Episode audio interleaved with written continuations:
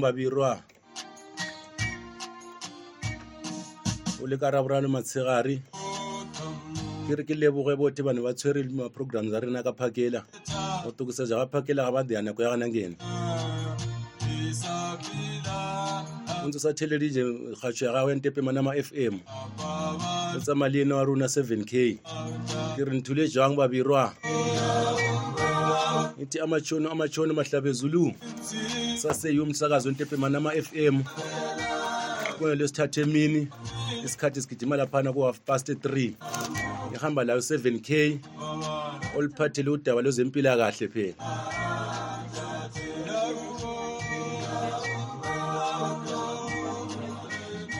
Isho ngithi siyazi ukuthi imikhuhlane eminingi la ngaba ngaphandle. Kuye kwafika yona phela icorona. Lethemba siyikhohlwanga icorona eyavala umhlaba wonke jikelele. Umkhuhlane wokuqala uqopha umlando wokuvalela abantu ezindlini saphenduka saba semajele ezindlini zethu. Ngisho ngithi namhlanje ngethekelwe ngumnumzana obuya egatsheni lwezempilakahle.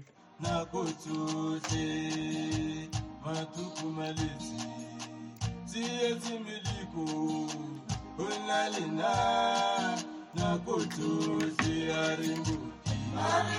siyakwamukela mnumzana umthwayiro emsakazweni wentepe manama f m umsakazo kazulu. Sacela nje ubingelela abalaleli uzazise mfowethu ukuthi ubuya kuluphi ugatsha. Salibonani ba- balaleli. Mina ngithigere mthwayiro ngibuya kugatsha lwezempilakahle lokondliwa kahle kwabantwana. Ngisebenzela egwanda esibhedlela esikhulu.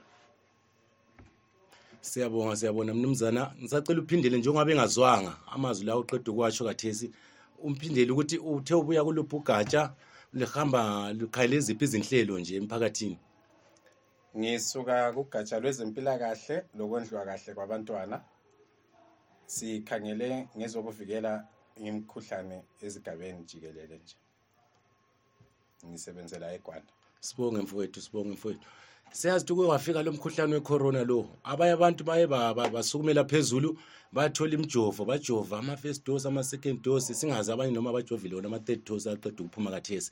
Njalo siyazi ukuthi abantwana kukhona izinkolo ezinye inkolo abangathembeliyo bona ukuthi ukholo lwabo aluvumeli ukuthi labantu baye ezibhedlela wayibona into efana naleyo manje bungozi bani obukhangelane ngumphakathi? Ngenxa yokuthi labantwana siyakwazi futhi bahamba babuye bahlangane ezikolweni emcimbini nje ezindaweni ezihlukahlukene. Bungozi bani obuhlangana labantwana abangabe hlatshiwe uma bangabe bezohlangana lalaba abasuka esontweni elingabe lona livumele indaba zesibhedlela? Um kuludubo ezigabeni ikakhulu abantu abamabandla laba abangathathi uh, imilayezo esuka ezibhedlela ngoba uh, siyabe singakhayelanga uku- ebantwaneni kuphela even labantu abadala kulakho ukuthi laba abangahlabiyo balakho uh, ukuthelela ukumemethekisa umkhuhlane lowo kithi thina abantu ababe abanye ababe behlabile kumbe ababe bevikele ngomjovo. Kodwa laba abezenkolo laba balakho ukwala ukuvakatshela izibhedlela kumbe ukuyahlatshwa ezibhedlela. Ngakho sokusiba nzima ukuthi sivikele umkhuhlane lo we-covid njalo noma sesikhangele imikhuhlane le eyabantwana evikelayo enjengendinyindi ipoliyo leminye nje le eyabantwana. Manje laphana inkokheli zona zithini? Ngoba siyazi ukuthi kukhona abosabhuku khona induna khona lo mthetho nje wona qobo lwawo. Uthini ngalezi gameko ezinjalo zokuthi manje uthole ukuthi abantu bona bangabaza ngapha bephila emphakathini?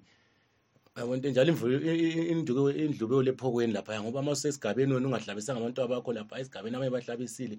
Inkokheli zithini nje zesigabeni labo sabhuku lezi nduna lo mthetho nje ngokwawo nesezweni lezimbabwe? Inkokheli uh, ezisesigabeni isikhathi esiningi kuyabasin- kuyabanzimela. Kodwa uh, mina ngokusuka kugatsha lwezempilakahle ngibona kufanele kusuke kizo inkokheli kumbe kusuke kibo abahlali besigaba ukuthi bona bathini ngesigaba sabo ng- bekhangele ngezempilakahle ngoba la mabandla asesigabeni asuka ebantwini. Sesikhangele futhi mfowethu ukuthi abantu ngabakhuthaza uthini ukuthi manje abantu amamaski angaqhubekegqokwa noma izigubhu giya nje into ze-sanitizing leziyana ama-social distance ngaqhubeka silokhu sizilandela leziya nhlelo eh nxa sikhangele umkhuhlane we-covid ama inani lemkhuhlane liyehlile. Abantu basebelibala ukuthi umkhuhlane lowo ulokhe ukhona ezimbabwe. Umkhuhlane ukhona. Into okumele siqhubeke siyenza ikugqoka ama-mask ikugeza izandla ngamanzi alesepa kumbe ukusanitize njalo um sibe lokhe silandela izinqumo esaziphiwa nguhulumende ukwenzela ukuthi sivikele umkhuhlane lo we-covid. Ukuba lama-cases amalutshwana akutsho ukuthi umkhuhlane lo usuphelile. Umkhuhlane lo ungaqhamuka futhi usijume silokhe silibele.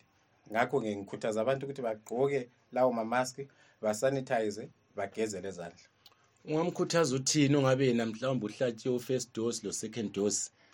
Selesifiso sokuthi njengoba ezwela amagama wakho lawo elesifiso sokuyahlaba u-third dose. I-third dose le isatholakala emtholampilo ongabe safuna ukuhlaba isatholakele njengoba kwamadosi. Eh amadosi wonke akhona ezibhedlela eh la amaklinikhi lapho abantu abaduze lawo. Udos 1 uyabe khona udos 2 uyabe khona. Layo ibooster leyo udos 3 uyayithola eh kwezempilakahle hayi ngithi ngibonga amazwi akho amahle kangaka. Ngithi nawe mlaleli ekhaya uma ngabe ulalela uhlelo lolu kulabanye ngabe ngabaza phela omakhelwane benu ukuthi manje lingasebungozini likhanani ubungozi ukuthi uma bengahlatshwanga labo bengalandelanga eh, ama-procedures we-health ngendlela elungileyo nani lisebungozini lathi uyasitshayela phela ucingo lapha emsakazweni we-20 epemana ama-f m ku-071 143 0100 sibonisane sihambisane sikhulumisane sibonisane phela nxa ukuthi impilo le ibuya kakawani bantu bakithi so asinakekeleni ngezandla ezimhlophe. Mfowethu unga- ungamvalelisa uthini umlaleli amagama okucina ongamshela wona ekhaya ongabe lalela umsakazo ngalesikhathi ah ngithi mlaleli icovid isesekhona. Ngakho ke asilandeleni izinqumo esaziphiwayo. Asigqokeni ama-mask eh nxa sisiya ebantwini eh abanengi asipracticeni i-social distancing. Asigezeni izandla ngamanzi alesepa kumbe sisanitize Eh ngithi mbonga amazwi akho mfo ababa ngibonga amazwi akho amahle.